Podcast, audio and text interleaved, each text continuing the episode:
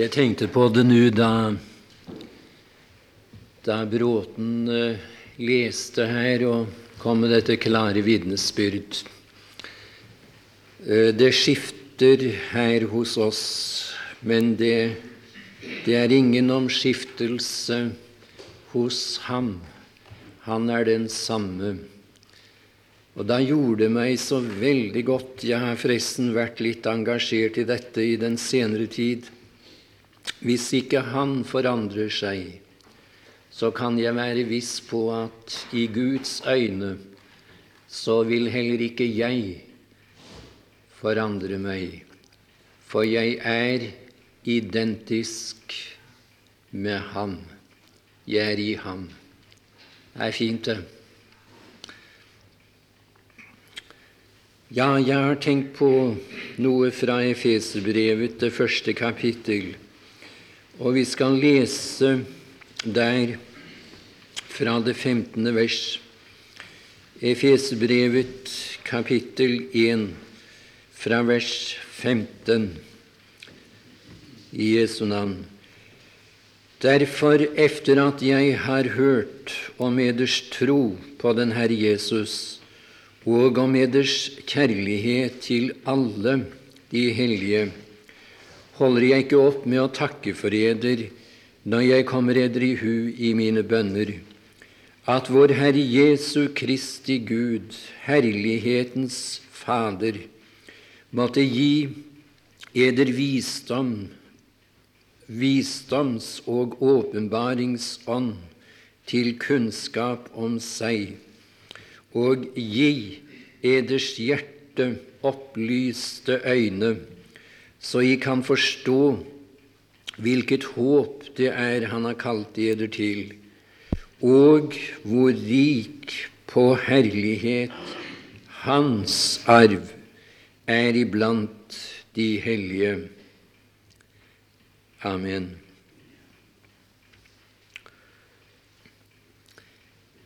Apostelen sier når han tenker på disse troende, disse hellige i Efesus, så må han komme dem i hu i sine bønner. Og jeg har lagt merke til at han sier det både her og andre steder når han taler om de troende, at han må, han må takke for dem når han kommer dem i hu. Han må si Gud takk for disse frelste mennesker. Og det var flere grunn, grunner for at apostelen i dette tilfellet kunne takke for de hellige. Jeg skal ikke komme inn på det nå, men jeg har lyst til å understreke at hvor langt disse troende var kommet i erkjennelse av sannhetene, så ønsket apostelen at de skulle komme enda lengre. Og jeg tror ikke det er noen av oss som mener å ha kommet så langt at det ikke er nødvendig å komme lengre i erkjennelse av Ham, av de store, vidunderlige sannheter i Bibelen. Jo mer en får se, jo større blir ønsket, jo større higen får en efter å få se mer av ham. Det går alltid slik. Nå er det spesielt én ting som han her ønsker de måtte få opplatte øyne for, så de kunne se, så de kunne erkjenne det. Og det er det som sies i det 18. vers og siste delen av det verset. Han uttrykker det på denne måte hvor rik på herlighet hans arv er iblant de hellige. Eh, du har kanskje lagt merke til at i Efesebrevet 1 der er to ganger vår arv omtalt. Du finner det i det ellevte vers. Han i hvem vi også har fått arvelodd. Det er vår arv. Og i det fjortende vers Han som er pante på vår arv. Men i det attende vers, der er det tale om en annen arv. Der, der heter det ikke 'vår arv', men vil du se litt på det uttrykket der? Jeg tror det er grunn til å, å understreke det. Her står 'hans arv'. Det er det det er tale om her. Hans arv. Altså, Kristus har en arv. Jeg har lagt merke til at i de nyere oversettelser der kommer ikke dette klart frem. Dessverre. Og Jeg tenkte på det utover morgentimen i dag at, at uh, jeg tror det er godt om vi kunne, kunne anskaffe oss holdt jeg på å skulle si så mange bibler som mulig av de vi har i dag, av den oversettelsen vi nå har. For det blir, så vidt jeg kan forstå, ikke noe bedre med å få uttrykt originaltanken eller, eller originalteksten på de respektive språk. Det går heller andre veien. Eh, vi slår fast at det her står ikke vår arv, men hans arv. Strek under de to ordene i din bibel hvis du ikke har gjort det før. Og det er ikke en fremmed tanke i Skriften for øvrig. Eh, jeg skal lese Vi kunne lese mange steder, men jeg skal bare nå ta med et par steder fra Det gamle testamentet. Og det er for det første i, i Femte Mosebok, det 32. kapittel, det niende vers. Der er Herrens jordiske paktsfolk omtalt, og det, det står For Herrens del er hans folk, Jakob er hans arvelodd. Det er tydelige ord. I Salmen 28 og vers 9 Frels ditt folk og velsign din arv. Det er de troende. De gammeltestamentlige troende er her omtalt som Herrens arv. Frels ditt folk og velsign din arv og fø dem og bær dem til evig tid. Men hvilken arv er det tale om her? I, i Efesbrevets første kapittel, vers 18. Jo, det står hvor rik på herlighet Hans arv er iblant de hellige. I den engelske gjengivelse eh, og i de amerikanske oversettelser som jeg kjenner, der står det hvor rik på herlighet hans arv er i de hellige. Og det kan da ingen tvil være om at det Paulus her vil ha sagt inspirert av Guds ånd, det er de hellige, de frelste i denne tidsalder. Menigheten er Kristi arv. Det er det han ville ha sagt. Så blir spørsmålet hvorledes ser den arven ut? Hvordan tar den arven seg ut i Guds øyne?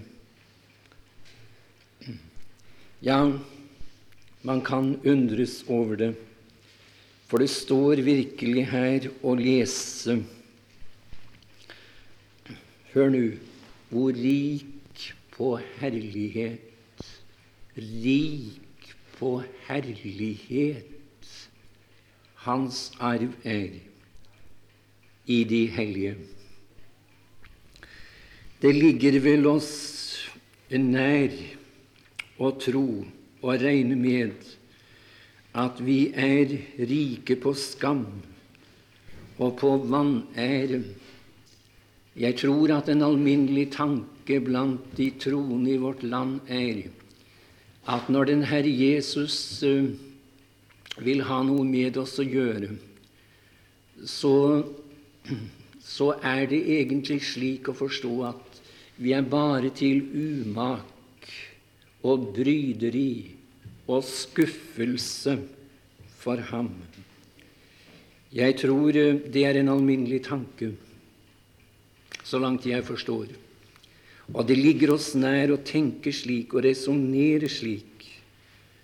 Men her står hvor rik på herlighet hans arv er i de hellige. Hva er det egentlig som gjør denne arv så verdifull for Herren, og så, så umistelig for ham? Ja, jeg skal peke på noen, noen ting. Men la meg da først få understreke at det er hans glede, hans tilfredsstillelse, og å føre denne arven gjennom verden.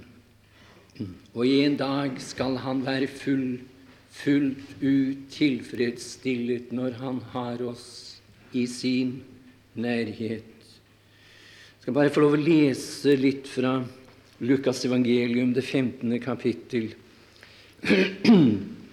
Der kommer dette ganske klart frem. Lukas evangelium kapittel 15 og vers 5. Det står om fåret som hadde gått seg vill i ørkenen, og som Herren oppsøkte. Og når han har funnet det, legger han det ikke på sin skulder, men det står på sine skuldrer. Og det gjør han ikke med sorg. Nei, det er ikke noe umak for ham å gjøre dette. Men det står og når han har funnet det, legger han det på sine skuldrer med glede. Det er bare glede for ham å løfte et stakkars villfarent får i denne verden opp, legge det på skuldrene og bære det hvor langt? Ikke to tredjedeler av veien. Nei, hør nå. Og når han har funnet det, legger han det på sine skuldre med glede. Og når han kommer hjem Han kommer hjem med fåret. Han må en dag få de frelste arven hjem. I Johansevangelium, det 17. kapittel, der er det ikke mindre enn syv ganger sagt at de troende er en gave fra Faderen til Sønnen.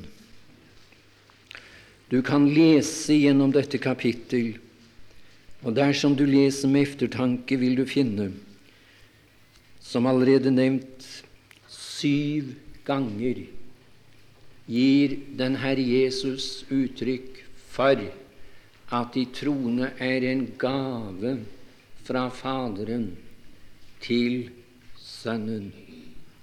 Det er ikke en eneste troende her, ikke en eneste troende på Karmøy i dag, som ikke er oppmerksom på at Den dagen han eller hun ble frelst, så fikk de en gave.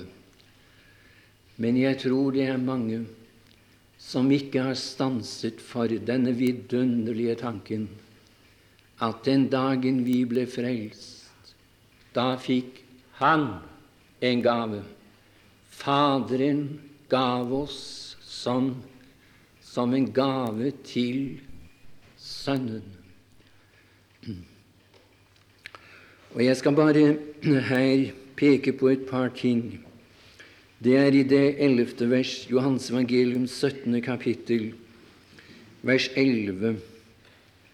Og jeg er ikke lenger i verden. Jeg, jeg var litt innom der forleden uh, aften da vi var samlet her til møte, og jeg nevnte da at vers 4 viser tydelig at Kristus her har lagt Eh, sine lidelser bak seg. Eh, korset ligger nå bak ham. Han står nå like som på fallrepet til å forlate jorden og gå hjem til herligheten. Han sier, 'Jeg har fullbyrdet den gjerning som du har gitt meg å gjøre'. Og så heter det da i det, i det ellevte vers Og jeg er ikke lenger i verden, men disse er i verden og jeg kommer til deg, Hellige Fader, bevar dem i ditt navn, som du har gitt meg, som du har gitt meg. Det er gaven det dreier seg om. Tror du han er begeistret for denne gaven? Tror du den betyr noe for ham? Tror du han vurderer den høyt? Å, hør nå! Kommer ikke dette klart frem i disse ordene? Fader, bevar dem du i ditt navn, som du har gitt meg, for at de må være ett, like som vi. Ja, det er som han vil si til Faderen, og det gjorde meg usigelig godt i dag. Jeg vil ikke være alene om denne sak. Det er så maktpåliggende for meg å få dem hjem. Og jeg vil gjerne at det skal bli kjent. De skal bli oppmerksom på det. Det er så om å gjøre for meg å få denne gaven som du har skjenket meg en dag, hjem, at jeg, jeg legger dem i din hånd. Vi må være to om denne saken. Vi skal være ett om dette. De er i min hånd, men de skal også være i din hånd. Jo, vi betyr noe for ham, godt folk. Han ser noe stort i oss.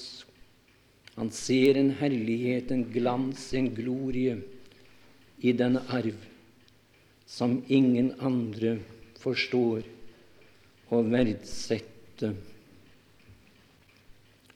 Se litt også på det 24. vers. Fader, jeg vil at hvor jeg er, der skal også de som du har gitt meg, være hos meg, for at de skal se min herlighet som du har gitt meg, fordi du har elsket meg før verdens grunnvoll ble lagt. Det han ønsker, sier han, angående dem som Faderen har gitt ham, det er at de skal være der hvor han er. Og det korresponderer jo med Johans evangelium 14. kapittel. Når jeg er gått bort og har beredt eder sted, kommer jeg igjen og vil ta eder til meg, for at I skal være der jeg er. Og hvor er det Kristus er? Han er i Faderhuset. Og Faderhuset, det er et sted, ikke bare en tilstand. Jeg kan ikke noe med det snakk at Faderhuset bare er en tilstand. Faderhuset er et sted, det er et hus. Det er en virkelighet, dette. Vi skal være der hvor Han er, og det er i Guds tronhimmel. Der skal vi være gjennom alle evigheter i Hans nærhet. Det er det Bibelen forteller. Vi betyr så meget for ham. Han ser en, en herlighet i arven. Han gleder seg over at vi snart er hjemme.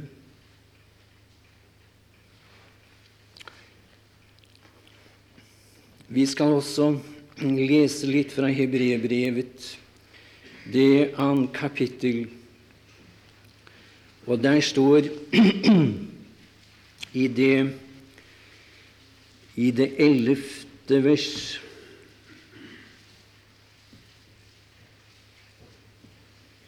For både den som helliggjør og de som helliggjøres, er alle av én. Derfor skammer han seg ikke ved å kalle dem brødre.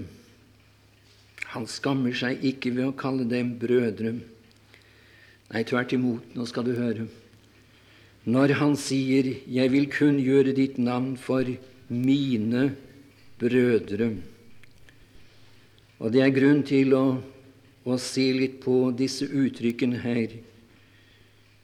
Kalle dem brødre, mine brødre. Jeg har søkt i denne boken. Nå er det meget mulig at det virker pedantisk, dette, men jeg har søkt gjennom denne boken, gjennom Bibelen, for å finne et eneste sted hvor, hvor det er noen som som taler om ham som broder, som sier om ham 'Han er min bror', eller eh, omtaler ham som sin bror. Men jeg har ikke funnet det, ikke på et eneste sted. Men jeg har funnet gjentatte ganger at det står 'Han kaller oss brødre'. Ja, er det noen forskjell, sier du? Efter mitt, eh, eh, min forståelse er det en vesensforskjell her.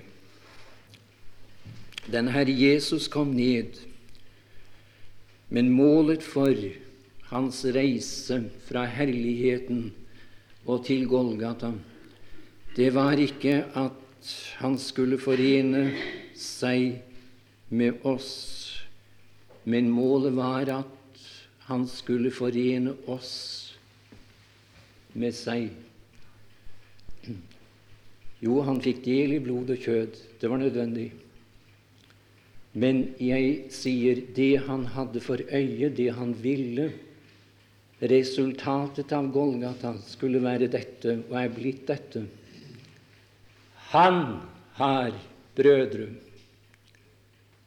Det er blitt mange. La, la oss være forsiktige med med å trekke ham ned. La oss huske at det var han som frivillig gikk ned.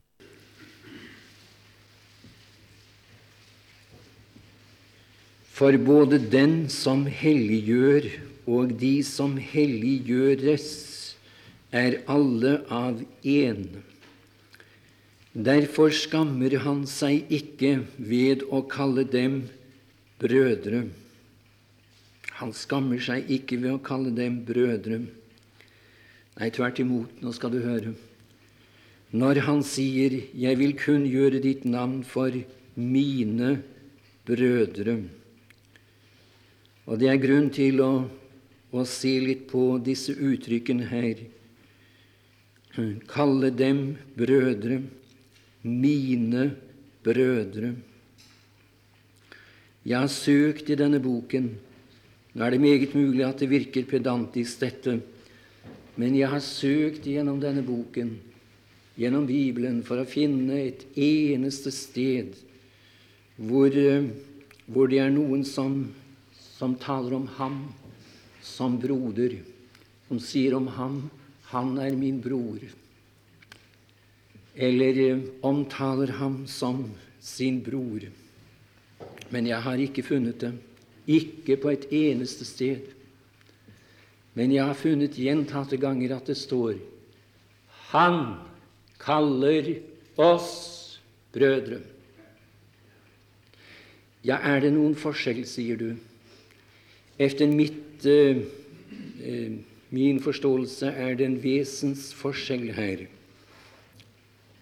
Den Herre Jesus kom ned, men målet for hans reise fra herligheten og til Golgata, det var ikke at han skulle forene seg med oss, men målet var at han skulle forene oss med seg.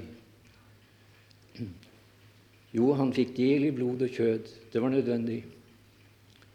Men jeg sier det han hadde for øye, det han ville.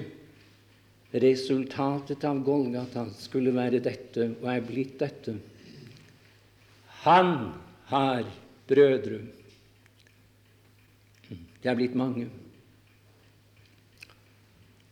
La, la oss være forsiktige med å, med å trekke ham ned.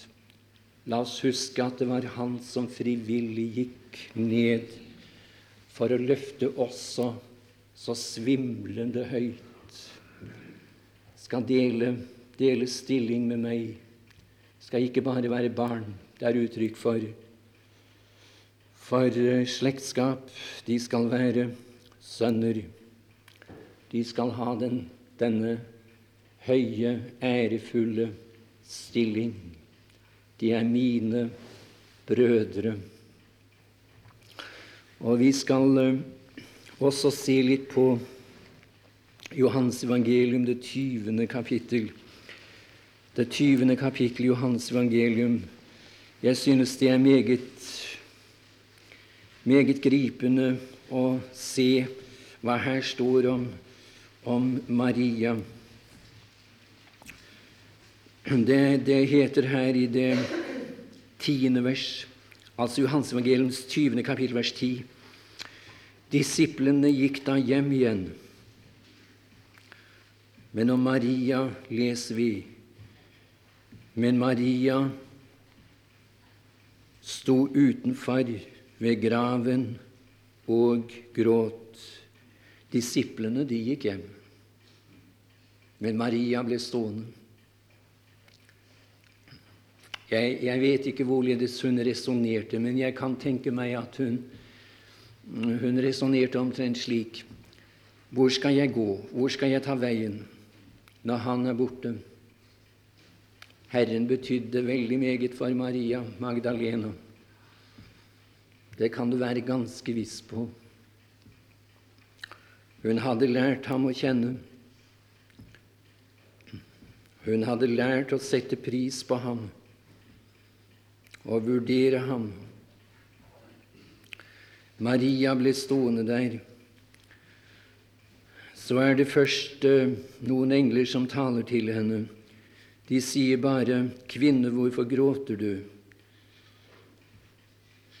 Men eh, så taler Herren selv til Maria. Det er i det 15. vers vi leser. Jesus sier til henne, 'Kvinne, hvorfor gråter du?' Hvem? Hvem? Ikke hva. Ikke hva leter du etter. Herren visste nemlig at det ikke var eh, vakre blomster eller deilige roser hun var ute efter der i haven. Det var en person hun savnet. En person som hun elsket så usigelig. Han var blitt borte. Maria, hvem eh, Han sier, 'Kvinne'. Unnskyld. Kvinne, hvorfor gråter du? Hvem leter du efter? Eh, hun kunne ikke kjenne ham. Hun trodde det var gartneren. Så sier han bare et eneste ord. Og det er i, i det 16. vers. Bare ett ord, mine tilhørere. Jesus sier til henne, Maria, Maria. Det var nok. Da, da vendte hun seg om og sier til ham på hebraisk, Rabuni, det er mester, Maria. Det er noen som sier at hun kjente ham på dialekten. Det er meget mulig at det var så. Det skal også komme i hu at hans mor het Maria. Så jeg tror det var et kjært navn for ham, dette som han uttalte her. Maria. I alle tilfeller det er noe, noe ekstra ved hans røst. Jeg tror det var en spesiell klang i hans røst da han sa dette ordet der i haven mine tilhører på oppstandelsesdagen, da han så denne kvinne stå der etter at disiplene var gått hjem. Jeg tror det var det. Maria, Maria. Har du hørt hans stemme? Jeg har hørt den stemmen. Jeg hørte den som 17 års gutt etter at jeg hadde grått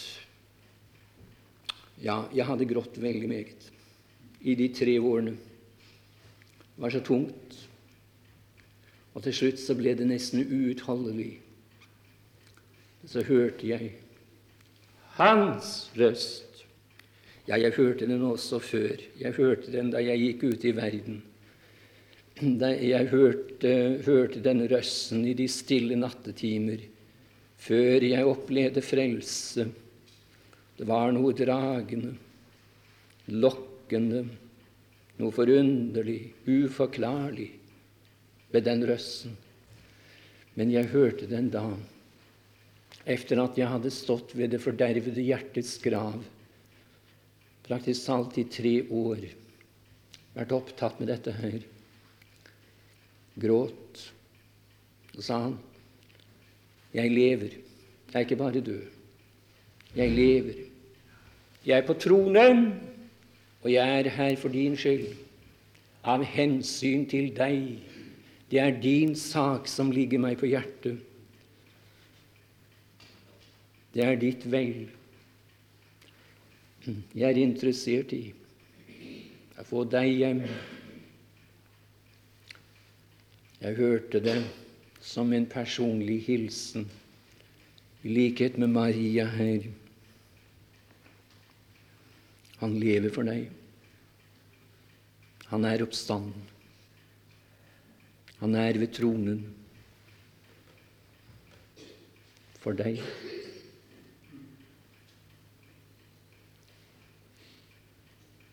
I det 17. vers Jesus sier til henne Rør ikke ved meg, for jeg er ennå ikke faret opp til Faderen. Eh, ordet 'rør ikke' det, det er et meget sterkt uttrykk som betyr egentlig å gripe fatt i og holde fast på.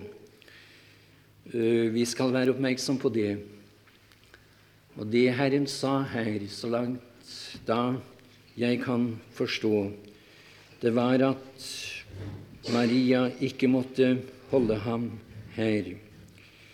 Du vet at samme dagen Jeg vet nok at det er forskjellige oppfatninger om dette også, så vel som meget annet.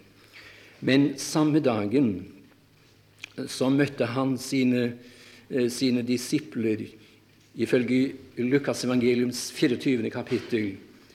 Og der sier han jo 'Kjenn på meg, ta på meg'. Og det det uttrykket der som er brukt der, eller det ordet der, eh, det er det samme som vi bruker når vi taler om å berøre ganske forsiktig en gjenstand. F.eks. å berøre en streng eller lignende. Det er det det ligger i det ordet. Men her, her er det et sterkt uttrykk jeg gjentar. Hold meg ikke. Grip, grip ikke fatt i meg det er det han sier her til Maria. Så sier han videre Rør ikke ved meg, for jeg er ennå ikke faret opp til Faderen, men gå til Ja, det er to ord der også som er veldig fine. Mine brødre. Mine brødre han sier ikke Han sier ikke 'mine disipler', han sier ikke 'mine tjenere', han sier ikke 'mine vitner', han sier ikke 'mine venner'. Det sier han i Johans evangeliums 15. kapittel. Og den høyeste tittel som en troende kunne oppnå i Det gamle testamentets tid, det var å bli kalt Guds venn. Abraham ble kalt Guds venn. Men ikke, ikke det her. Mine brødre. Å, det har skjedd noe. Det har skjedd noe stort. Det har skjedd noe som betyr veldig meget for meg og Maria. Du må skynde deg å gå til disiplene og si til dem De er mine brødre. De er blitt mine brødre. De er løftet opp så høyt, så høyt.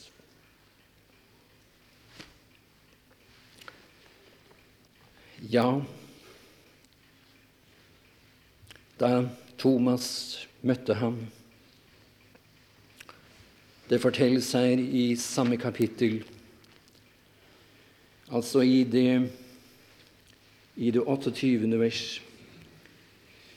Du vet at han tilbød Thomas å, å legge sin hånd i hans side. Og han sier ikke 'vær ikke, han sier, vær ikke vantroen, vær ikke vantroen troende'. Her står Deretter sier han til Thomas, rekk din finger hit og se mine hender, og rekk din hånd hit og stikk den i min side, og vær ikke vantro, men troende. Thomas svarte og sa til ham, hva sa han, min broder? Ha? Nei, ikke min broder. Nei, han sa min Herre og min Gud. Ja, jeg tror vi skal nærme oss denne personen i ærbødighet. Det tror jeg vi skal gjøre i evigheters evighet. Vi skal ikke glemme at det var Han som gikk ned for å løfte oss opp.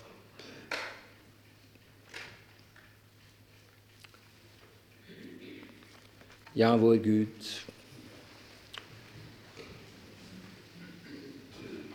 Det som vi her har lest fra din bok, det er vidunderlig. Det har betydd veldig meget for oss. Jeg vet at mine venner her har gledet seg over disse sannheter, og de gleder seg når de på nytt får bli stille for det.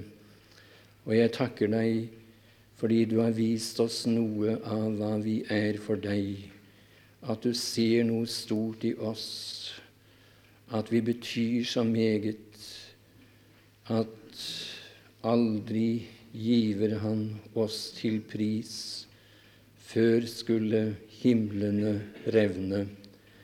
Herre, jeg ber deg at vi må stadig få se dypere inn i disse sannheter.